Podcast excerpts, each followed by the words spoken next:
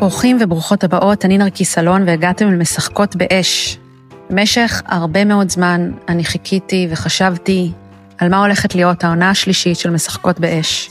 ואז הגיע התופת של השביעי באוקטובר, והבנתי שבזה אנחנו הולכים להתמקד, ובגלל זה העונה הזאת נקראת משחקות באש תחת אש.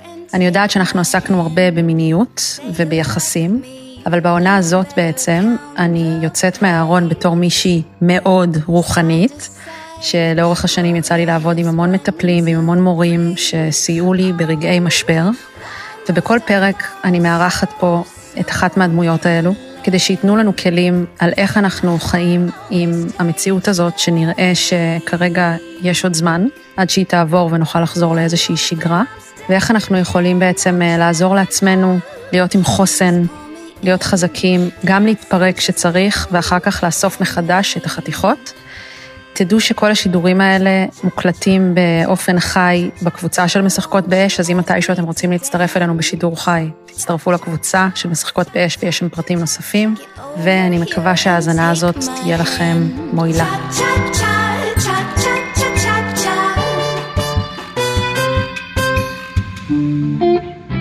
פודקאסט משחקות באש הוא בחסות הספר אישה חיה. סיפור אישי על גילוי המיניות, ריפוי היחסים בין גברים ונשים, והנשיות והתשוקה, וכן, אני נותנת חסות לעצמי, כי אם אין אני לי, מי לי. ברוכים הבאים וברוכות הבאות למשחקות באש תחת אש. אמ, בעצם אה, נועה גולן ורותי בר שלו נמצאות איתי, ואנחנו רגע נתחיל בזה שתציגו את עצמכם. הכי קשה בשבילי היום. אמ, אני מאמנת. כשמאמנת בעצם זה ללמוד להקשיב מעבר לסיפור ואפילו מעבר לאיך שמחשבות מסתכלות על החיים. בנינו היגיון, האמנו בו, ובמידה רבה איבדנו את הקשר עם המיידי, עם האמיתי, מה שנמצא בבסיס ובטבע שלנו. ואימון עושה את זה, מעבר לזה שאני אימא לארבעה וסבתא לחמישה. ובימים האלה הדבר הזה הוא משמעותי וחשוב. תמיד הוא משמעותי וחשוב, אבל היום זה כמו, אני חושבת פעם ראשונה אני שואלת את עצמי את השאלה הזאת שאף פעם לא שאלתי, של אם, אני, אם הילדים האלה נולדו לעולם שאפשר יהיה לחיות בו. Mm. יש, אני, אני ילדתי ילדים בכל מיני תקופות, והתקופות היו לא פשוטות. אבל זאת הכי קיצונית, הכי קיצונית שיצא לך לחוות? מאוד, כן, וזה כמה שנים כבר, אבל עכשיו, עכשיו זה כמו הגיע בשביעי לאוקטובר, ובמה שקרה זה הגיע לאיזה... שאלתי את עצמי אם אני פשוט לא הבנתי את האנושות עד עכשיו, ממש אבל, כי פספסתי בגדול. ואולי אני צריכה להתחיל להסתכל מחדש, אולי החיישנים שלי, של בכלל לקלוט את המציאות, היו לא נכונים, היו לא מדויקים. זה כזה. אז נועה, עכשיו תורך ולהציג את עצמך. שבכלל לקלוט את המסילה, היו לא נכונים. רגע. רגע, את צריכה להוריד את הסאונד מהפייסבוק שלך, אל תעשי במקביל. ובואי תענו. סגרתי. סגרת? אוקיי. אמ, אני נועה גולן, אני תלמידה של רותי ושותפה של רותי ביצירה ובתנועה של מה שבאמת, שזה ספר ואתר עם התכנים וההתבוננות והלמידה שרותי שיתפה כרגע. אני יוצרת ואומנית בתחום אומנויות הבמה, ובתקופה הזאת היא גם מלווה יוצרים ואומנים, אומניות ויוצרות להקשבה ליצירה, ויצירה מתוך הקשבה ליצירה, אפשר לומר את זה ככה. החיבור שבין יוצרת ויצירה זה כמו שידוך כזה made in heaven.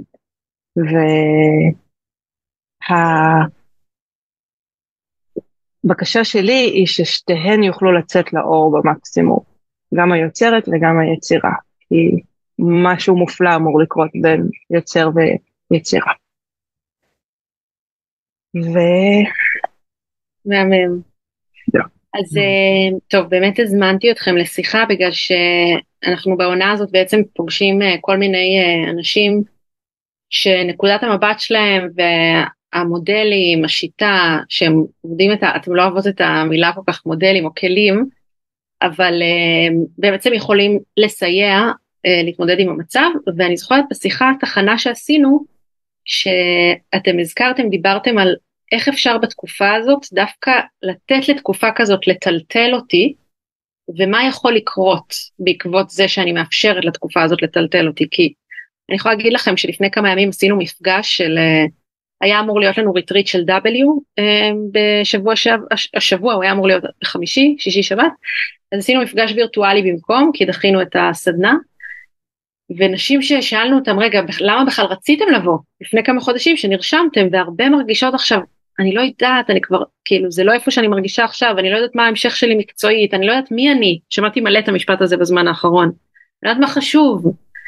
אז uh, רציתי שקצת תתייחסו לזה, ואז נראה בעצם לפי איך שאתם מסתכלות על הדברים, איך אפשר לעבוד עם זה. אולי לפני שנגיד איך אפשר לעבוד על זה, נגיד שזה פשוט ככה. לפני שנתחיל, שאם אנחנו לא מספרות לעצמנו סיפורים, או לא נתלות באיזה תקוות של אה, אם אני אעשה משהו, אם אני אפסיק לעשות משהו, אם אני אעבוד באיזה שיטה, או אם אני אשתמש באיזה דרך להרגיע את עצמי, או לפקס את עצמי, אז אני אוכל. אז קודם כל זה לדעת שטולטלנו בצורה עמוקה, אני אומרת עוד פעם, עמוקה מאוד מאוד מאוד מאוד מאוד, שזה אומר שממש ב-DNA קרה משהו, באופן שבו החלקיקים בתוכנו מסודרים, אופן החשיבה שלנו, מאיפה הוא בכלל נובע, הכל קיבל מכה חזקה. וזה, וזה נכון לגבי כולם, גם אלה שאומרים שהם ידעו לפני וגם הם, אני רוצה להכריז זאת אומרת אני רוצה להציע לאנשים להכריז שהטלטלה הזאת קרתה ושאנחנו עדיין בשלב הראשוני של ההלם שהמשמעות של זה זה שאנחנו בעצם גם קולטים מה המכה הזאת עשתה ואנחנו מתחילים לקלוט איך, איך היא השפיעה עלינו. זה גם לא רק זה, האירוע הזה עוד מתגלגל, זה מה שהכי הכי קשה להכלה. נכון. למרות שכרגע נדמה לי, אני שוב, אני הכל בנדמה לי היום, כי אני ממש כמו מניחה צעד, ממש כמו להניח אותו לאט, ולתת לרגל כמו, עד שהיא מתפרסת, הכי לאט, עוד יותר לאט, עוד יותר לאט. אבל הדבר הבסיסי הוא שאנחנו עוד סופגים את המכה, ושמה שהיה בשביעי באוקטובר, ביום הזה, הוא סוג מכה, מה שכרגע אנחנו עוברים זה סוג מכות שאנחנו מכירים. זה ווליום שאנחנו מכירים, כן? וזה נורא לפעמים, אני הולכת עם כאב לב קבוע עכשיו, ממש כל הזמן. זה חלק מה... שמלווה כל הזמן ושממנו אני באה ואליו אני חוזרת. אבל הדבר השביעי לאוקטובר, והדבר הזה שראינו, כולל הזוועות שנעשו, והמקום שאליו הגיעו בני אדם או ממנו הם פעלו, ושאנחנו נפגשנו איתו חזית אל חזית, פנים אל פנים, גוף אל גוף, אפר אל אפר. וזה, אני אומרת על זה, ההרגשה שלי זה שאנחנו ממש בהתחלה של הלקלוט כשאני אומרת התחלה לקלוט זה אני לא יודעת אם בכלל התחלנו עוד לקלוט או שאנחנו קולטים את מה שאנחנו מסוגלים. הדבר שבעצם אה, אני חושבת שאנחנו מוזמנות לעשות זה להסכים לזה. אנחנו רגילים לא להסכים, ואפילו רגילות לא להסכים. אנחנו רוצות מהר להחזיק את, להחזיר את הדברים למצב לפחות של שליטה מסוימת, למצב מסוים שבו אני ארגיש שיש לי רגליים על האדמה, מצב מסוים שבו יצרתי הגנות מספיקות כדי שזה לא יחדור את כל השכבות וישאיר תוהו ובוהו. כן, אנחנו נורא נורא רוצים להחזיר לאיזשהו סדר, או לפחות לדעת, אפרופו ההמנון שלנו, שיש איזו תקווה לסדר, שאנחנו יכולים לראות אותו באופק, גם אם כרגע אנחנו מלקקים את הפצעים או מלקקות. ואני רוצה להציע ההפך, אני רוצה להציע שסדר שאפשר לפרק אותו, תמונה שאפשר לשבור אותה, הם מעולם לא היו אמיתיים. מה זאת אומרת? זאת אומרת ש... אה, הבנתי. כאילו, בעצם זה שעכשיו הכל מבולגן, זה אומר שזה בעצם תמיד היה ככה, אבל אנחנו חשבנו בראש שבשליטה ושיש לנו ודאות. אחרת אי אפשר היה לערער את זה כי זה היה בלתי ניתן לערעור. אוקיי. בדיוק, וגם דברים שנאחזנו בהם, ואני לא מדברת על אנשים שטחיים מלמעלה, אלא שבבסיס האמנו שזאת האדמה, זה האוויר, אנחנו יודעים איפה השמיים, אנחנו יודעים מה התפקיד של כל אחד, בסדר, יש טעויות, בסדר, יש תקופות קשות, עברנו אותן ונעבור, אבל פה קרה משהו שכמו החזיר את הכל לנקודת האפס. כן? הוא, הוא בעצם אמר, מה שחשבתם, אז זהו שלא. אוקיי? עכשיו, זה לא נכון לגבי הכל, אבל יש דברים שזה מאוד נכון לגביהם, ומלא דברים שזה מאוד נכון לגביהם, ויש דברים שזה לא נכון, וכדי לדעת אותם אנחנו צריכים להסכים לתת למה שיכול להישבר להישבר, ולמה שיכול כמו להינמס, וכמו להתאדות, לתת לו להינמס ולהתאדות, ולעמוד שם מספיק זמן בשקט כדי שאני אוכל אז לראות מה באמת קורה, מה באמת נשאר, מה באמת אמיתי, וזה סוג הדברים שלא יכולים אחר כך להיהרס גם. כלומר, זה סוג דברים זה סוג, זה הטבע האמיתי שלנו, וזה איך שפה כל הדברים, טבע או הבריאה הזאת, איך היא באמת. אז ככל שאני יותר אתן לדברים ליפול, ככה אני יותר יכולה לדעת באמת משהו. ככל שאני אנסה לא לתת להם ליפול, אני גם אחוז שוב בדברים שכבר אני יודעת שהם משענת קנה רצוץ, כבר אני יודעת שזה לא באמת, וגם אני לא מתפנה, בגלל שאני כל כך עסוקה בלתחזק ולהנשים, להנשים ולתחזק, אני לא פנויה בשביל לשים לב לדבר עצמו, למה שבאמת נשאר, למה שלא יכול להיהרס, שזה מה שאני חושבת שהתקופה הזאת... איך אני, איך אפשר, כאילו גם אני רוצה דוגמאות, אני אשמח לדוגמאות, למשל לדברים כאלה ש, שראית עלייך או אצל אנשים שאת מלווה, שאתה פתאום מגלה כזה שאה, רגע, זה לא באמת משהו ש, שאני יכולה להישען עליו, וגם הייתי רוצה לדעת איך עושים את התהליך הזה. בוא נגיד, אוקיי, אני אומרת, אני מוכנה, אני מוכנה לתת לדברים להישבר, אני מוכנה לשמוט, איך אני בפועל עושה את זה? כאילו, חוץ מזה שזה מפחיד בטירוף, אז יש את העליות עם הפחד, אבל, אבל מה, מה, מה עוד? אני נועה? אה, כן, אני, יש לי, אה, יש לי דוגמה, אולי אני אתן את הדוגמאות ואז את תקחי את זה לצעד הבא. Mm-hmm. הדוגמה הראשונה שחשבתי עליה זה משהו שהוא נקרא לזה חיצוני לי, וזה למשל התחושה שאני בטוחה בבית שלי. וכל מה שמשתמע מזה, כאילו שאני בטוחה בבית שלי, בקירות שלי, אם יש לי נשק אני בטוחה, הצבא שומר עליי, הממשלה שומרת עליי, כאילו כל מה שחיצוני ממני והלאה, פלוס ביטחון. והדוגמה השנייה שיש לי שהולכת פנימה זה שהייתי בטוחה שאני נגד אלימות. וש... ושאני... אני קולטת שרק אני עכשיו מקליטה, אבל לא נורא, כי יש לנו את זה גם בפייסבוק ואני אמצא דרך להוריד את זה. כן, אפשר לעשות לזה דאונלוד. מזל. אז. אז הדבר השני הוא, הוא אה, משהו שהייתי בטוחה בו כלפי פנים, שאני בשום אופן לא אהיה בעד מלחמה, אני בשום אופן לא אמ, ארצה במותם של אנשים, לא משנה מי הם, לא משנה מה הם עשו, אני עדיין אומרת את זה ורועד לי הכל, אני לא בטוחה שאני עומדת מאחורי זה שאני כן רוצה ש... שהאנשים שעשו את הפשעים האלה ימותו, אבל אני כבר לא בטוחה שאני לא רוצה, בוא נאמר.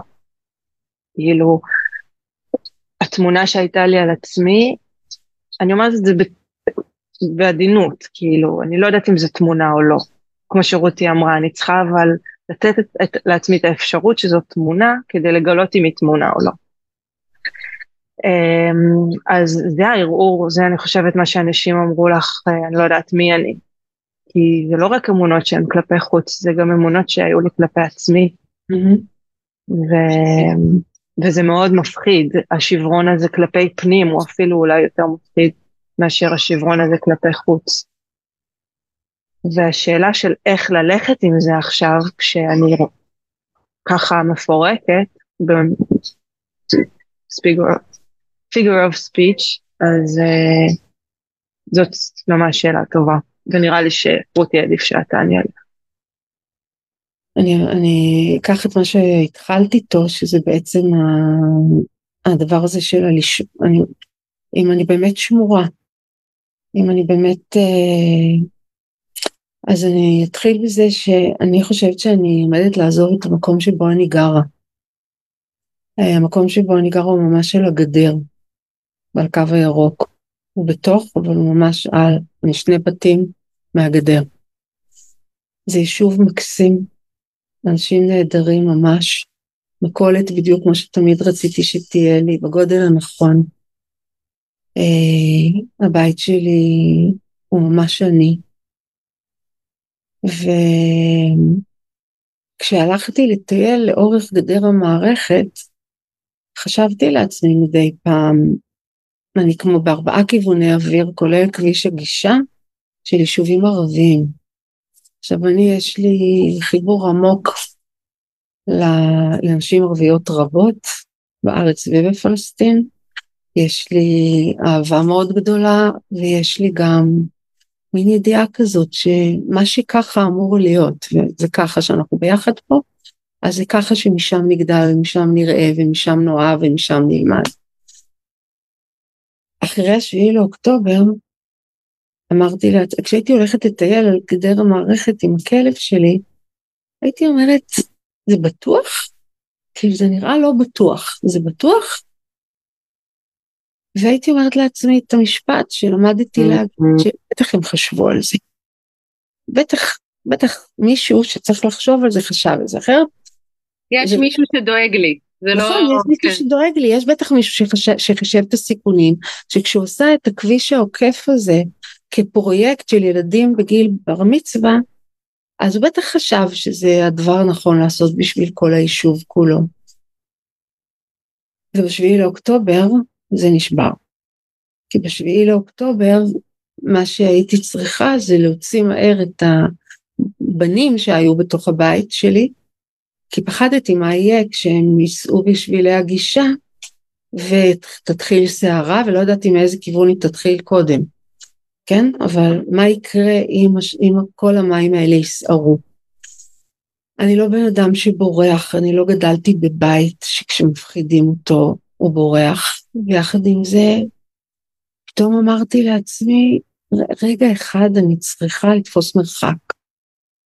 ואני כבר כמעט חודש אצל הבן שלי בתל מונד, ואני מסתכלת ושואלת את עצמי, וכל הזמן אומרת לעצמי שאם אני לא יודעת עוד אז שאני אחכה.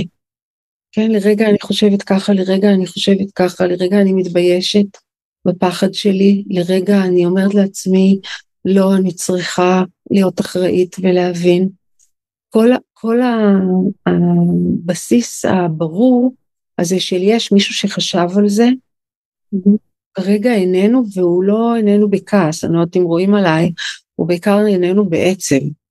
אני כמו אומרת, יואו, אז בעצם זה לא שאני חושבת שהצבא לא עושה המון, ושאין כוונות טובות, אבל שאולי אף אחד לא יכול לשמור, ואז משם אני הולכת לי, ואז אולי תמיד נהיה במלחמה, ואז אולי, ואז תמיד תהיה הקצנה, כי אם כל הזמן נהיה במלחמה ולא ייפתר כאן שום דבר, ויקרו דברים כאלה, אז כמו הדבר השני שנועה דיברה עליו, אז יותר ויותר מאיתנו יגידו אין ברירה, אנחנו צריכים להיות אלימים, ואנחנו צריכים להיכנס בהם, אנחנו צריכים למחוק אותם, אנחנו צריכים לטהר מהם, מי שהם לא יהיו, ואז אנחנו, אז אם שאלת איך עושים את זה, אז הדבר הראשון הוא להכיר בזה. ולא לספר לעצמי סיפורים, לא להישאר ולספר איזה סיפור על הדמות שאני, שאני אף פעם לא ככה ותמיד אני ככה, אלא לתת לזה, לתת את המכה ולראות מה זה עושה כרגע. הדבר השני זה לומר אמת על מה שאני מרגישה ומה שאני מבינה. כלומר, דבר ראשון זה לראות מה זה עושה לי, ואז דבר שני זה לראות ומה אני אומרת עם זה, או מה אני אומרת על זה, ולשמוע לעצמי ולכבד את מה שאני אומרת. הדבר השלישי, זה... רותי רגע לפני שאת עוברת לדבר השלישי, לגבי הדבר הזה של להגיד אמת ולהגיד אמ, את זה כמו מחשבה בתנועה ולא כמסקנה. כאילו להתחשב. להגיד עכשיו. אה, סליחה. לא, לא, זה טוב, כי זה, כי זה תמיד תנועה. בגלל זה אני לא קוראת לזה שיטה, שמה שזה אומר בעצם, זה שברגע שאני אומרת אמת, אני יודעת שאמרתי אותה לרגע הזה. כשאני כן. אומרת להגיד אמת, אני מתכוונת להגיד, אני מפחדת לנסוע, לגור עכשיו שם. אבל אז אני אומרת, אוקיי, אז אני בינתיים פה. ואז אני יושבת פה לבד בבית בל... בלילה, רואה סרטונים של, אי אפשר לקרוא להם סרטונים, סרטים קצרים של העדויות, ואני שמה לב שאני מול פרדס, ריק, חשוך, אני ליד גדר שאפשר לקפוץ עליה בלי בעיה, ואני עם חלון פתוח, כי אני תמיד אוהבת להיות עם חלון פתוח. ואז אני מסתכלת על זה ואני אומרת, אוקיי, אני הולכת לעשות משהו לגבי זה? ואני אומרת, לא, אני לא הולכת לעשות משהו לגבי זה. אוקיי? ואז אני נשארת שם. ותוך כדי שאני נשארת ורואה את הסרטונים, הסרטים האלה, היכולת שלי להיות לא בתיזוזים של מה לעשות, כן לעשות, לא לעשות, מה אני הולכת לעשות עכשיו, מה זה אומר עליי, אז אני לא מוכנה שיגיד עליי. אני פשוט נמצאת שם בשקט ורואה מה הצעד הבא שאני הולכת לעשות. ואין לי יכולת לראות יותר מהצעד הבא שאני הולכת לעשות, וכמו אף פעם בחיים, אני כל הזמן אומרת לעצמי, רותי, ותזכרי, הכי קטן שאת יכולה, הצעד הכי קטן, את, יכול, את רוצה לדעת מה את עושה היום או מחר, תגידי את זה, אוקיי? אבל אל תגידי יותר שום דבר אחר. אל תחשבי שאם עשית את זה, זה אומר שאת צריכה לעשות את זה, את זה ואת זה. או אם אמרת, או אם אמרת משהו, זה אומר שאת עכשיו... נכון. זה מה שאת חושבת, או זה מי שאת, או זה נכון, הצד לא שבחרת. אני לא נהיית דעה, אני לא נהיית עמדה. ואז מה שקורה זה שמה שבאמת נגמר זמנו, מה שבאמת כבר לא שייך, כבר זה מהסוג של הדברים שהתפרקו, הוא כבר מתפרק. כי אני לא מנשימה אותו ואני לא מחזיקה אותו ואני לא רוצה שהוא יחזור להיות כי אני לא יודעת אם הוא בכלל ראוי, היה ראוי, ישים, אם אני יכולה לעשות אותו היום, אם אני לא ממש מגוחכת שאני רוצה שהוא יהיה היום. ובזה יש זמן של פרידות. והזמן הזה של פרידות הוא זמן חשוב. פרידה וגעגוע, געגוע ופרידה. כי אם אני באמת מסכימה לזה, ואני לא מנסה למצוא דרכים או שיטות להחזיר את מה שהיה, או לדמיין שזה לא קרה, אז אני בעצם אתחיל יותר ויותר לשים לב שהדברים האלה שראיתי, רבים מהם, הם לא היו נכונים אף פעם. ואני כרגע, לפני שנמשיך הלאה, אומרת, אם הגענו עד לפה, אז זה להתרגל למצב החדש. זה כמו להגיד, אם זה באמת לא קורה, או אם אני לא יכולה להיות כזו, או אם הם לא יכולים להיות מי שחשבתי שהם, אז בוא, בוא ניפגש עם מי שאני כאן ועם איך שזה פה. מה זה בכלל אומר? זה, ה... זה השלב הזה של מה שנגמר זמנו, וזה לאסוף. זה ממש להתחיל לאסוף. לי יש כרגע אספים משהו בסדר גודל של, אני חושבת 52, 53, מה שנגמר זמנם, שאני אומרת, זה לא יהיה יותר. אה, את עשית אה, רשימה? אני, אני התחלתי בשלב מסוים לעשות רשימה שלושה ימים אחרי. שלושה ימים הראשונים הייתי בהלם יותר מדי גדול, אבל אחר כך, גם כשחזרתי לאמן, וגם כש...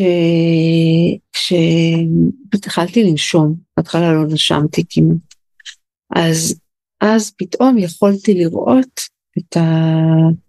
את הדברים שנגמר זמנם, ומכיוון שכשאני מאמנת אנשים, הם מדברים על מה שנמצא במציאות הזו, אז בעצם הם מדברים על מה שנגמר זמנה, זמנו, ועל מה שהם לא יכולים יותר אפילו לקוות שיהיה, ומה שהם לא סומכים עליו יותר.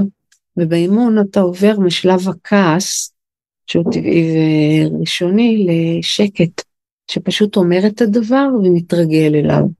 אז יש לי כרגע 52 או 53 כאלה, שפשוט רשמתי תוך כדי שאנשים דיברו עוד ועוד דברים, שבאמת אנחנו מתחילים להבין שנגמר זמנם ואין להם. למרות שזה אינדיבידואלי פר בן אדם גם. יש, יש דברים קולקטיביים ש, שאנשים עוברים עכשיו ויש את כל אחת והספירלה נכון. שלה.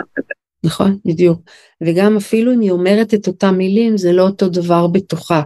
כי אחת חשבה שהיא חזקה ואז פתאום היא אומרת את זה ואז היא אומרת אז אני כבן אדם חזק שתמיד יודע איך לקחת את החיים פתאום לקחו לי אפילו את, ה, את אוצר המילים שאיתו אני חושבת מה אני עושה, לבין מישהו שרגיל יותר לנוע עם החיים ולזרום איתם, ואז שם הוא, התגובה שלו היא אחרת, אז גם אם המילים אותו דבר, מה שקורה בחיים שלנו הוא לא אותו דבר.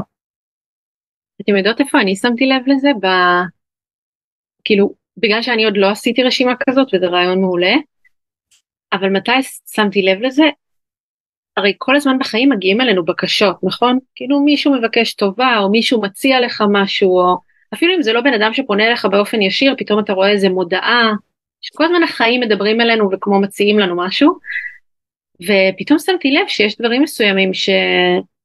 שהם באמת כבר לא, כאילו שזה איפה שהייתי פונה בדרך כלל, או זה איפה שהייתי מתערבבת בדרך כלל, ו... והסיבה שזה כל כך קשה זה כי בהרבה מקרים, אבל אני לא יודעת מה כן. זאת אומרת, זה להסכים בעצם אה, להיפרד, ואז נשאר איזשהו חלל, והרבה פעמים החלל הזה הוא מאוד מאוד מפחיד, כמו התיאוריה של המנוס מחופש, שאנחנו רוצים בעצם להחליף אדון באדון אחר, במקום רגע לעשות את התהליך של, של הקשבה של, שכן אני אשמח שנדבר באמת על מה קורה אחרי הריק הזה.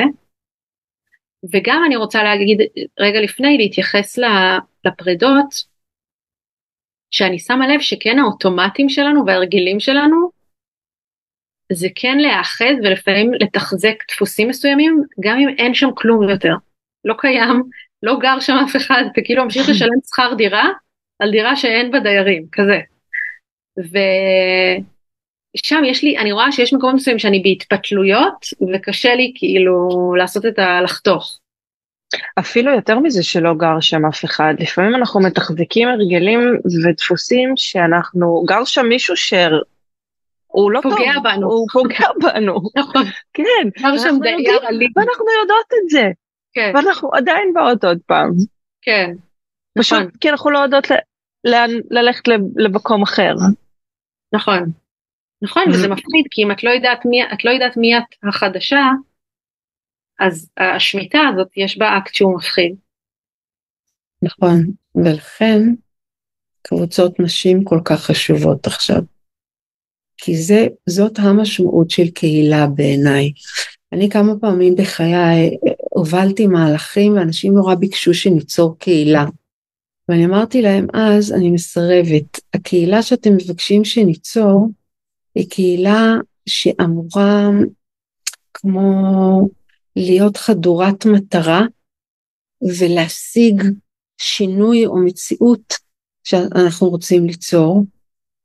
ובזמנו חשבתי, ועדיין, שיותר נכון שכל אחד יעבור את זה בעצמו וישתף פעולה עם אנשים נוספים וידע שהוא המוביל, שמה שהוא עושה יש ומה שאין אין, ולא שהוא יחפש שמישהו יוביל אותו. לקח לי הרבה זמן להבין אבל בכל זאת, ידעתי שהם אומרים משהו נכון שאני לא מבינה. שקהילה בעצם היא המקום שבו אתה נזכר או בו את נזכרת בדבר הזה ואני חושבת שהדבר שאנחנו מוזמנים להיזכר בו זה שכשאנחנו מוכנים לשמוט או לא להחזיק זה אפילו לא באמת לקלף זה כבר מתקלף. פשוט לא להחזיק עליי בכוח איזה בגד או דמות או כסות ש, שתיצור לי ודאות לכאורה, או הרבה פעמים אנשים אומרים עכשיו הרבה פעמים תחושת ביטחון, ואני אומרת להם תסתכלו מה אתם אומרים. זה לא שאני לא מבינה למה הם רוצים תחושת ביטחון, אני מה זה מבינה. אתם אומרים תחושה, אתם אומרים כאילו אשליית ביטחון. בדיוק. וזה המכה שקיבלנו. זה, כן, זה, כאילו, אז מה הבעיה? אני כבר יכולה ללבוש קסדת מציאות מדומה ולהתחיל נכון. לעשות דאונלוד למשהו הרבה יותר שווה מתחושת ביטחון, אם, נכון. אם אני כבר הולכת ב... בנתיב. נכון, אבל, אבל העניין הוא שהוא לא באמת נותן לי ביטחון, זאת אומרת אני יכולה נכון. ליצור לעצמי תחושה מאוד מאוד מאוד עמוקה של ביטחון, והמון אנשים יגידו גם כן שזה נכון וצודק וראוי והכל, אבל זה לא נכון. ו- ואם לא נדבר על ביטחון אלא נדבר על אהבה, או נדבר על מה זה באמת עוצמה, או נדבר על מאיפה אני באמת יודעת משהו, או מה זה אדמה באמת, כן? מה, מה, כשאני אומרת יש לי אדמה לעמוד עליה, למה אני באמת מתכוונת? אלה הם הדברים שקהילה יכולה להזכיר, כלומר להזכיר שכשאני נגמרת, אני בעצם מתוודעת למי שאני באמת. וכל עוד אני מתחזקת את הדמות, אני מפריעה לעצמי. כן? אז למשל, לומר, אני זוכרת את היום שדווקא דרך קשרים עמוקים שלי עם uh, נשים ערביות בארץ, ישראליות ופלסטיניות, הם אמרו, uh, את באמת, את באמת לא מבינה למה אנחנו בוכות שאתם הקמתם את המדינה? ואני כעסתי עליהם מאוד ואמרתי להם, הלכתם איתי, למדתם איתי על השואה, למדתם איתי על הרדיפות, איך יכול להיות שככה אתם אומרות? והם הסתכלו עליי באהבה, והם אמרו לי, אנחנו אומרות. ואני הלכתי, זה היה תוך כדי עבודה עם נשים פלסטינאיות, עם משרד החוץ וזה, הלכתי לישון, אמרתי, אין לי מושג איך אני קם בבוקר ואין לי מושג מה אני עושה. וקמתי בבוקר בפעם הראשונה חופשייה ממדינת ישראל. כלומר, חופשייה מלחשוב שאני חייבת אותה, ופנויה לאהוב אותה ממש. ולהיות שחקנית נשמה בתוכה. כי עד אז היה בך תנאי, כאילו, שאת יכולה כן. להיות איתן בקשר ולאהוב אותן כל עוד הן מקבלות את זה ש... לא, לא, דיברתי על המדינה כרגע, לא כן, זה מעניין אותי לא שלמה זאת הייתה, למה זאת הייתה התגובה שלך לזה? למה זאת הייתה התגובה שלי? למה שהם אמרו. כי אני חשבתי שיהיה להם ברור שיש דברים מסוימים שקורים בהיסטוריה והם טרגיים, אבל שלא יכול להיות שאם הן אוהבות אותי, הם יגידו לי דבר כזה. הם יגידו לי, העם היהודי היה צריך להישאר בלי מדינה, והיה צריך לוותר על האפשרות הזאת שנמצאת בפנים, אה, שניצבת בפניו, רק כי זה יעשה עוול למישהו אחר, זה קורה. זה קרה גם לנו בגדול. קמים מזה. זה חלק ממה שקורה בחיים. כן, אני חשבתי, זה מה שאז אמרתי. ויש בזה גם חוכמה, גם היום. רק כן. שלא יכולתי להבין איך הן עדיין לא רוצות, הם היו, הם אמרו לי הייתם צריכים לסרב, אם ראיתם מה זה עושה לכל כך הרבה אנשים שהיו פה הייתם צריכים לסרב.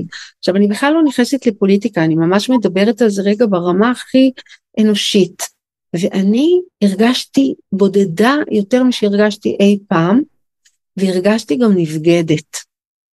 והייתי צריכה להמשיך לעבוד איתם למחרת, כן? והלכתי לישון כמו שאמרתי וקמתי בידיעה שאני לא חייבת שמדינת ישראל תהיה קיימת. אוקיי? שאני, שלי יש קיום ויש לי יכולת יצירה ויש לי יכולת אהבה ויש סכנות. זה היה אחרי שהיו לי ארבעה ילדים בצבא, כן? אז יש סכנות בכל מקום.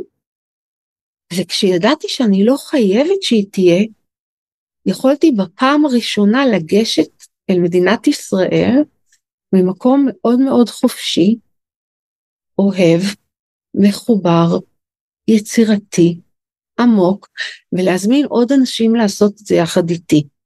ומשם יזמנו פרויקטים יפהפיים שהלכו פה לאורך זמן. אבל כי הדבר שאת נוגעת בו זה כאילו כל העולם עכשיו וכל האירועים משדרים לנו כמה זה הכרחי שמדינת ישראל תהיה קיימת. זאת אומרת, ברגע שיש אה, ביטויי גילויי אנטישמיות ו... וש... את יודעת, שגבולות ככה נפרצים וכאלה, זה כאילו מצד אחד תודעתית, את יודעת, תודעתית אתה יכול להחליט שאתה שומט את הכל, אתה יכול גם להגיד, אני לא חייב שהילדים שלי יהיו בחיים, אני יכולה להתמודד אולי כנשמה, אה, גם אם הילדים שלי יהיו בחיים, אבל, אבל זה לא מה שאני מרגישה בתור בן אדם שהוא, כן. שהוא גם חיה, מבינה, יש בי חיות, ואני מרגישה, מה, אם הילדים שלי לא יהיו בחיים, אז אני לא רוצה להיות בחיים. כן. ואת מבינה מה אני אומרת? כאילו, אני, מהמקום הגבוה של השמיטה, אז כן, אפשר, אפשר להיות בתודעה ולשמוט הכל, אבל בסוף אנחנו כאן, כדור הארץ, יש פה כללים מסוימים. אמ, האם? האם הצבענו אותם? האם מה? הצבענו אותם.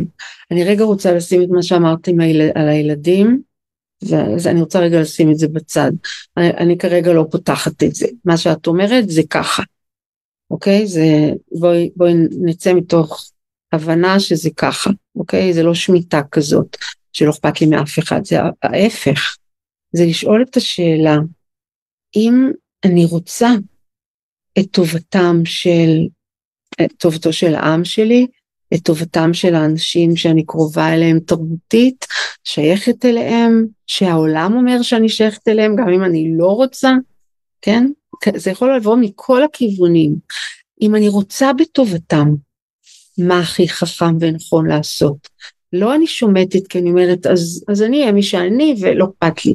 דווקא בגלל שאני אוהבת ובגלל שאכפת לי, אוקיי? כשאני אה, בזמנו הובלתי יחד עם אב ומיל שופני מסע של ערבים ויהודים להכיר את השואה ולהכיר את, אה, את ו, ו, אה, לנסוע ביחד לאושוויץ בירקנאו, שהיוזמה הייתה יוזמה ערבית והרעיון היה לנסוע ל... הרעיון היה להכיר את היהודים לא רק במה שהם נותנים להכיר אותם, אלא להבין מאיפה הם באים, איך הם תופסים את עצמם, וזה קרה שנתיים אחרי האינתיפאדה השנייה. שבעצם זה מה שקורה פה היום דומה מאוד מבחינת מה שאנשים חווים, כי זה היה אז שחוו את, את uh, ערביי ישראל פתאום מתקוממים ויוצאים לרחובות, כן, זה היה הרבה הרבה לפני שומר חומות, וזה קרה ככה. והערבים אמרו, המובילים של המסע הזה אמרו, אנחנו חייבים להבין מה לא הבנו, אוקיי? והלכנו לשם. עכשיו, אחד הדברים הבסיסיים שעלה שם זה ש...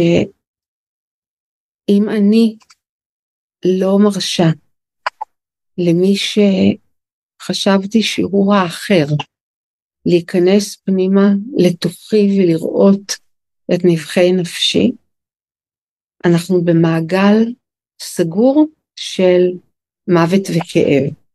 ואז קרה שהייתה מלחמה פה,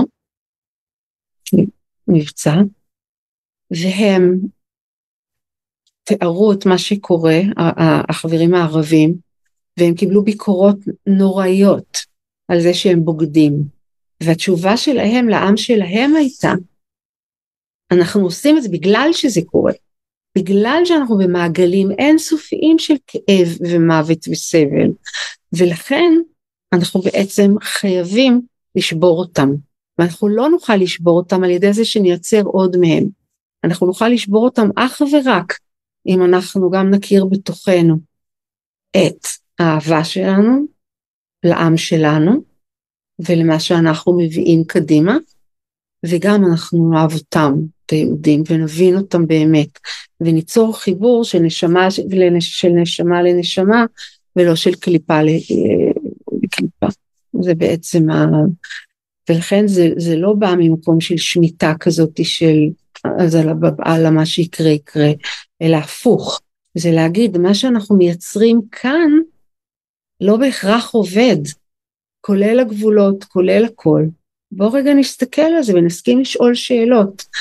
שאלות שלא העזנו לשאול הרבה זמן, או אף פעם לא הסכמנו לשאול אותן, ואנחנו רוצים לשאול אותן. כי רק אם נשאל אותם נוכל לראות מה אנחנו עונים, מתוך מי שאנחנו היום. זו שאלה אם זה אם זו העת, טוב, כל אחד והתהליך שהוא עובר, אבל שאלה אם זה הזמן הנכון קולקטיבית, אם זה בכלל אפשרי לשאול כרגע את השאלות האלה, כי כאילו יש זמן לכל דבר, ו...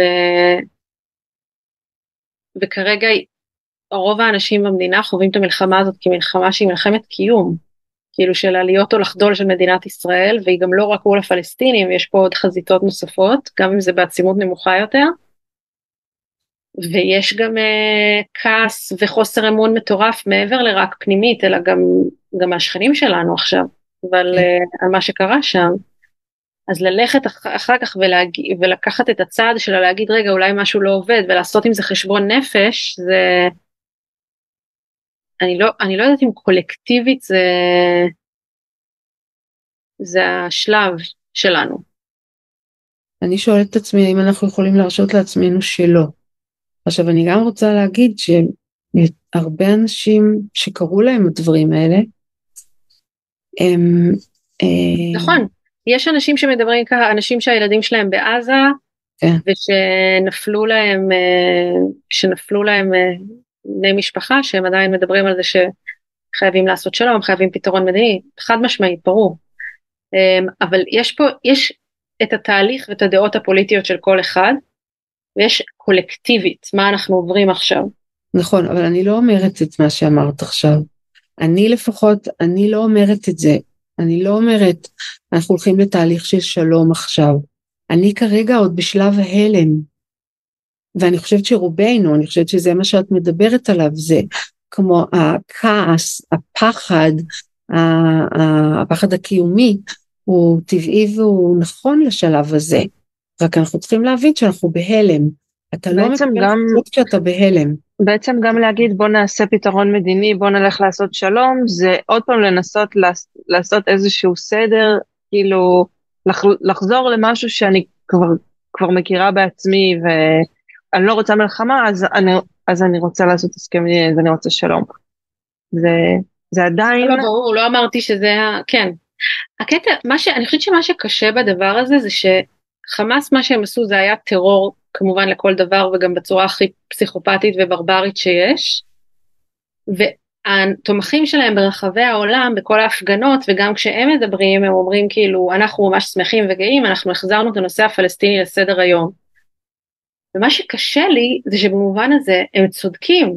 זאת אומרת הנה יש אנשים במדינת ישראל גם אנשים ישראלים במדינת ישראל ששואלים אומרים לעצמם וואי כנראה שמה שאנחנו עושים לא עובד. ואומרים וארצות הברית באה ואומרת אוקיי בסוף הדבר הזה תהיה לפלסטינים מדינה. עכשיו אני לא שאני לא רוצה שתהיה להם מדינה או משהו כזה אני רק אומרת זה הרבה פעמים עולה הנושא הזה של האם באמת מחאה יכולה להיות אפקטיבית אם היא לא אלימה. גם במשבר האקלים יש פעילי אקלים שמאמינים שרק פעולות מאוד אלימות וקיצוניות שמפרות את הסדר הקיים גם גם במחאה שהייתה עכשיו אמ, לא שאני אומרת שהמחאה עכשיו הייתה אלימה אבל אבל העניין הזה של החסימת כבישים וכאלה או, אה, או אני לא אלה שאמרו שהם לא יעשו מילואים. כי מבחינתם רק פעולות כאלה שמפרות הסדר הן מחאות אפקטיביות ולכל השאר אי אפשר uh, באמת לקחת ברצינות. ואז במובן הזה כאילו uh, חמאס עשו משהו שבאמת אי אפשר להתעלם בו בשום קנה מידה. וזה קשה לחשוב שהדבר הזה יוביל למציאות שהיא טובה לפלסטינים כי זה זה כאילו לא איך שהייתי רוצה שהעולם יעבוד. Yeah. אני חושבת שהדבר שה, שהייתי מסתכלת עליו זה שחלק ממה, ש, שהדבר החשוב שיש לנו לראות זה שהשאלות האלה שאני אומרת ששווה לנו להתחיל לשאול בעצם שואלות את השאלה איך אנחנו ואיך שאנחנו פועלים חושבים ומתנהגים, אנחנו יוצרים מציאות דה פקטו בשביל עצמנו קודם כל, שאנחנו לא רוצים לחיות בה. כן, עכשיו ממש לפני שעלינו להקלטה, אני uh, קראתי על בחור שמילואימניק שפוגש מילואימניק אחר ורואה שהוא uh, הולך ונכנס להלם קרב. אוקיי? Okay? בתוך אני, כדי הלחימה? כן. תוך, לא תוך כדי הלחימה, תוך בין, בין קרב לקרב, בזמנים שהם יושבים אחד עם השני, אני אבל שומעת הרבה, כן, זה נורא קשה. ובכלל, עלתה עכשיו מאוד מאוד המודעות. נכון. דרך דברים טרגיים כמו איציק סידן שהצית את עצמו ואחר כך שמימן את הלוויה של הבחור הבא שהתאבד על זה. אה, כל הנושא של הלם קרב עולה מאוד מאוד לכותרות. הלם קרב הוא תוצאה של זה שיש משהו בסיסי שאנחנו עושים שהוא לא יכול ללכת עם להיות בן אדם. פשוט לא יכול. ואנחנו צריכים לשאול מה, ואני לא אומרת. אבל זה להיות כל, זה את יכולה להגיד על להיות בקרב ולהיות לוחם, זה לא ייחודי לא. לישראל, זה כל מדינה שיש לה צבא ואנשים לוחמים. אני לא מחפשת אשמים, כן. אני אומרת שבידיים שלנו יש יכולת לשאול שאלות שלא העזנו לשאול אותם עד עכשיו. אני כשאני רואה את מסעות, אני רוב הזמן אני בוכה כשאני רואה עכשיו טלוויזיה ושומעת את האנשים מהודיה, מהתרגשות ומזוועות שרואים. אבל יש מסעות, ההלל לשמחה, שאנחנו יוצאים לקרב בשמחה, אני לא רוצה שאף אחד יצא לקרב בשמחה, אני רוצה שהוא יצא באהבה לפעמים, כן. אני רוצה שהוא יצא בתחושה עמוקה של מסירות ושל מחויבות, וזה הם עושים, אני לא צריכה ללמד אותם את זה. אבל um, um, הדבר הזה של איפה אנחנו, איפה אנחנו עושים דברים ולמדנו לחשוב במונחים שיוצרים קודם כל לנו מציאות שאנחנו לא רוצים לחיות בה, כן? ואת אומרת ילדים, יש לך ילדים ואת רוצה מדינה, אבל הילדים האלה שנמצאים עכשיו בעזה ועושים את מה שהם עושים, ילדים ש, שלי, ילדים של אחרים, הם... חיילים. כן, חיילים. הם כרגע עוברים דברים נוראים, כולם. והם עושים דברים שנורא נורא נורא יהיה קשה להם לחיות איתם. גם אם הם יודעים שהם עשו את זה כדי להציל וכדי לשמור וכדי זה עדיין הם חוזרים הביתה והם צריכים לחיות עם זה. אז, אז בעצם מה שאני אומרת זה השאלות האלה הגיע הזמן לשאול אותן בלי מהר ללכת לתשובות ולקרוא לזה פוליטי כי זה לא פוליטי. כן זה, אני מדברת עם אין סוף אמהות שמטפלות בילדים מבוגרים כן שהם הלומי קרב מזה עשר שנים, חמש עשרה שנה, עשרים שנה כן, והן יודעות את זה, ומנסים להסתדר ולהגיד שאין ברירה וזה, אבל יאללה, בואו נתחיל לשאול כבר את השאלות האלה. והשאלות האלה הן דווקא מרפאות, כן? הן דווקא, הן לא שאלות שבאות לחפש אשמים, הן שאלות שכשאני שואלת אותן, הן מתחילות להראות לי מה הגיע זמנו, אוקיי? אז זהו, אז אני רוצה, בגלל ש... כדי שנספיק לפני שאנחנו צריכות לסיים, הייתי רוצה כן. שתדברו קצת על אחרי שאני עושה באומץ את התהליך הזה של מה עבר זמנו, ומסכימה לתת לדברים להישבר. נגענו בזה גם במישור האישי, גם במישור הפוליטי-מדיני, כל אחד והתהליך שלו. אז uh, איך נראה, הגיע זמנו, איך נראה התהליך של ההכנסה של דברים חדשים. את רוצה נועה? הדבר הראשון שעולה לי להגיד זה mm-hmm. שאת הרבה פעמים לא יודעת עוד איך זה נראה. את uh, באמת uh, הרבה פעמים עוד אין לזה צורה, ומה שאת קוראת לו ריק הוא כבר לא ריק, הוא מאוד מאוד חי, אבל הוא ממש כמו אמ, רטט כזה, ש... שאת צריכה נורא נורא להקשיב לו, אני ממש מדברת תוך כדי שאני מרג... מרגישה איך זה, איך זה נהיה, ואני, כן, אני כאילו ממש נותנת עדות מה... מההרגשה שלי עכשיו, ודרך אגב, אני, אני גם מאוד מאוד לומדת עכשיו לעשות את זה, כי אני גם רק מתחילה ללמוד ללכת את הדבר הזה, גם באישי וגם בקולקטיבי. אבל, אמ, ואז את צריכה לראות למה את מקשיבה. כי אם את לא יכולה להקשיב לשום דבר שהתרגלת להקשיב אליו, זאת אומרת, את יכולה אבל את לא רוצה וזה לא תופס, אז מתחילה לשאול את עצמך למה אני מקשיבה. ו... גם שם התשובות שאת רוצה לתת לעצמך הם, הם, הם לאט, אבל נראה לי שאת רוצה להקשיב, כמו שרותי אמרה, למה את מרגישה. את רוצה להקשיב ללב שהוא מדבר בדרך כלל בפשטות ובאהבה. את רוצה להקשיב נרקיס כמו שאת אמרת, למה החיים מדברים אלייך, כי הם משקפים לך את מה שכאן, וגם את איפה שאת, גם אם את עוד לא יודעת את זה. אמ,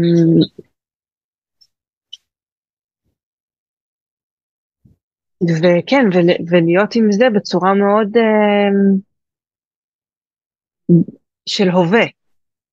זה אני, זה אני אומרת ככה ממני, ממה שאני רואה עכשיו, אבל אני יודעת שיש גם את, את הצעד הבא, רותי ואולי את. ואומץ. זה לא בדיוק אולי לקרוא לזה אומץ, אלא להסכים לפחד, אבל אה, להישאר ולבוא. כן, אני חושבת שמה שאמרת קודם למשל, זה דבר שהגיע זמנו. Uh, דיברת על לשאול את השאלה הזאת לגבי אלימות, או, או אני רגע לא אקרא לזה אלימות, אלא אני אקרא לזה לבוא בכל הכוח, להשתמש בכוח. Mm. סוג דבר שאני חושבת הרבה אנשים שאני שומעת מהם, וגם את וגם אני, מסתכלות ואומרות, רגע, האם יש מצב שבו מלחמה והפעלת כוח מסיבי וכמו קטלני, האם יש מצב שבו זה הדבר האנושי המדויק לעשות? עד לאחרונה התשובה שלי הייתה חד משמעית לא. אבל ככל ששמעתי יותר וגם ראיתי מול העיניים את, ה, את המשמעות הזאת, כשאנשים אומרים רוע טהור, אוקיי? זה מילים שהם, אנחנו לא משתמשים בהם ככה, אוקיי? זה כמו, אתה מרים, זה כמו הנחש מרים את הראש שלו, וזה evil, זה רוע טהור. כשאתה רואה רוע טהור, למה אתה נקרא? כן? זה, זה, אני עכשיו עושה קבוצה שזה מה שהיא מסתכלת עליו. בסדר? האם יש מצב שבו אתה צריך להפעיל כוח אה, קטלני, כי אתה, לא כי אתה מפחד, לא כי אתה לא ראית טוב יותר, אלא כי כמעט אני אגיד תפקידך בהיסטוריה הוא כזה, או תפקידך בזמן הזה הוא כזה. לא כי זאת ברירת מחדל כרגע, ואתה לא רואה משהו יותר טוב לעשות. זה סוג של דבר. בכלל הדבר הזה של אלימות, של להיות נגד אלימות. יחד עם זה, למשל דבר שמופיע לי, אני מדברת ברמה הכי אישית, של דבר שמופיע כמו משהו שהגיע זמנו, זה לדעת שאם אני עושה משהו שהוא יכול להיות נחרץ ובהיר וחד, אם אני עושה משהו שאני אחר כך לא יכולה לחיות איתו, אז אני, אני עיוורת. אז לא הקשבתי טוב. לא הקשבתי טוב, אוקיי? למשל זה, או למשל הדבר הזה של יהיו פעמים שאני אבחר לפעול, להפעיל כוח. אם הפעלת הכוח הזאת שינתה את האדם שאני, ונהייתי אדם נוקם ונותר, כן, כאדם, כהסתכלות על המציאות, אז זה לא משהו שאני אעשה. אוקיי? גם, גם במחיר גבוה. אוקיי? אני חושבת, רותי, שזה מתחבר ליושרה. נרקיס, שאלת כאילו איך ללכת.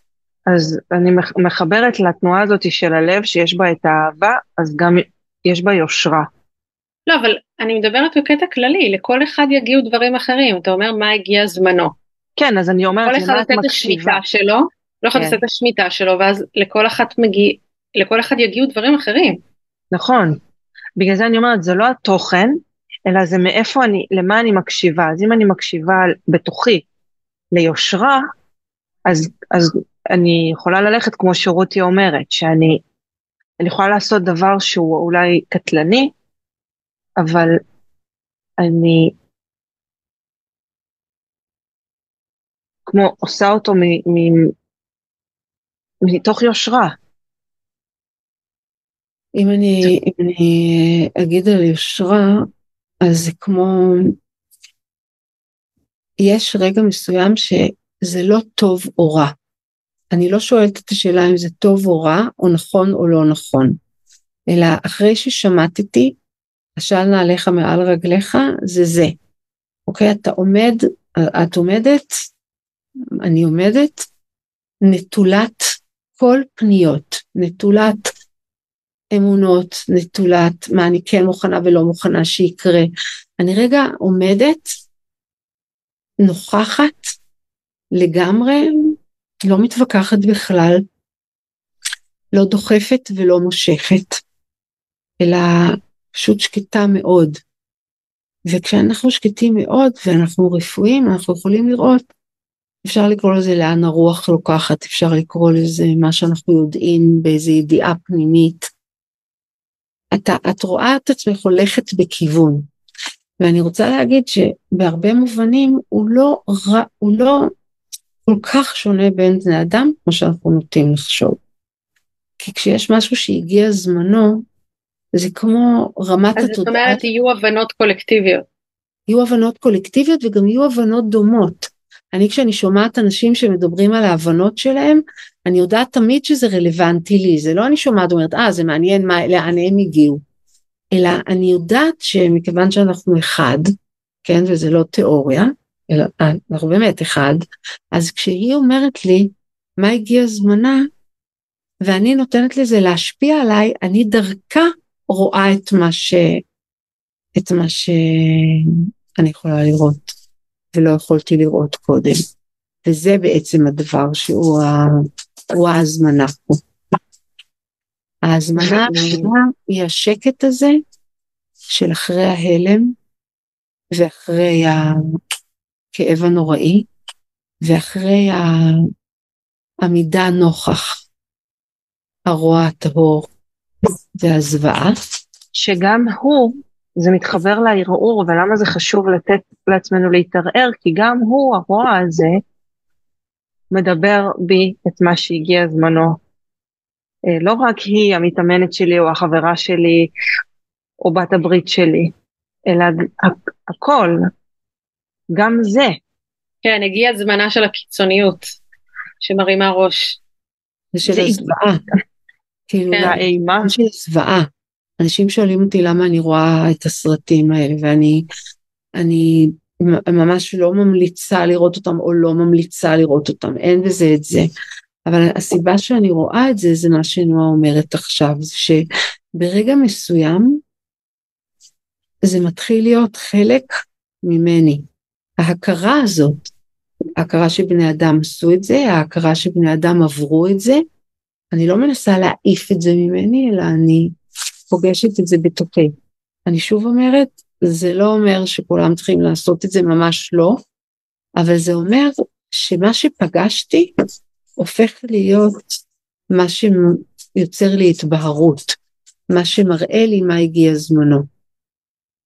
כן, אני כן חושבת שאנשים צריכים מאוד מאוד לשמור על עצמם, כי יש כל כך הרבה דברים שקורים בעולם ושהגיע זמנם, ויש מקומות שכן יש לנו בחירה איפה לתאם את התודעה שלנו, אה, וכל אחד ומה שהוא יכול להכיל. וגם שלא נשכח שזה מה שהם רצו, חמאס רצו שתצפי בווידאוים האלה, הם רוצים שכמה שהם רוצים שהווידאוים האלה יהיו ויראליים, זה ממש חלק מה... הם לא רוצים את מה שקורה לי, הם רוצים להפחיד. רוצים להפחיד, אז מבחינתם הם רוצים שהווידאוים האלה יהיו ויראליים, כאילו בגלל זה הם צילמו אותם, בגלל זה הם... אבל מה שאני אומרת זה ש... כן. זה הכוח של מה שהגיע זמנו וקודם של מה נגמר זמנו. כשאני באמת נותנת לזה להשפיע עליי, אז יבוא פחד ויותר מפחד, זה אימה, זה... ממש. וכשאני נותנת לזה להשפיע עליי ואני לא מנסה לסדר את זה בסידורים, בהסדרים לחוטיים, אני, אז מה שקורה זה שהפחד הולך ומותמיר את עצמו גם לשאלות, גם לשקט וגם ליכולת לראות הרבה יותר בגדול מאשר רק להגיב לזה כל הזמן, או להיות באימה שמנסה לסדר סדר בכאילו. או בלהיות, או בלהיות בהתנגדות. אז אני רק אומרת שכל לא הדבר, גם אם מישהו רוצה מאוד לעשות לי רע, כן, מה שאת אומרת על הסרטים האלה ומה שחמאס רצה, גם אם מישהו רוצה מאוד לעשות לי רע, כשאני עושה את התנועה הזאת, הוא לא יכול לקבל את מה שהוא רוצה. זה הדבר שיש להבין, אוקיי? ואני לא עושה את זה כקונטרה. פשוט אני... כן, כן, ברור. נותנת לזה לבוא, וכל אחד יכול, כן? ואז מתוך זה, אני מסתכלת מתוך הדבר האמיתי שאנחנו, ולא מתוך המלחמה הזאת שאנחנו מנסים ליצור. כן. זה... כן, שיותר מהכל זאת ממש מלחמת תודעה. והוויה. זה מלחמת הוויה, כי בעצם זה נכון שזה מלחמת תודעה, אבל מה שלא אני, מה שאני לא רואה באמת, לא משנה כמה אני אעבוד. כשאת מסתכלת מה קורה היום בעולם, רק היום ראיתי עכשיו שיש 300 אלף בהפגנה בלונדון, אנטי ישראלי או פלסטיני. כן, המספרים הולכים וגדלים בצורה מאוד מאוד מאוד אה, עצומה. כי אנחנו, אם אנחנו ננסה להילחם בזה, אנחנו מפסידים. אם אנחנו נסתכל על זה וניתן לזה לגמור לנו את מה שנגמר זמנו ולהגיד, תקשיבו, זה לא יעבוד ולא עובד אף פעם. בסדר? ויכול להיות שזה גם לא יגיע לאנשים מסוימים והם ימשיכו לחשוב ככה. אז מה זה אומר לי עליי? בסדר? מה אני רואה? מה אני יודעת? כן, לא כקונטרה אליהם. אני לא רוצה שהם יקבעו לי מה אני רואה או לא רואה. אני אתן לזה ממש כמו לעשות ככה, להכות חזק, לפרק את מה שמתפרק, ואז לראות את מה שאני רואה, כי אז אני יכולה לדעת את זה באמת. ואז מה שהם יעשו לא יכול לעשות לי. בסדר? הוא יכול לעשות לי לפעמים, לצערי הרב הרב, פיזית דברים נוראים, אבל הוא לא יכול.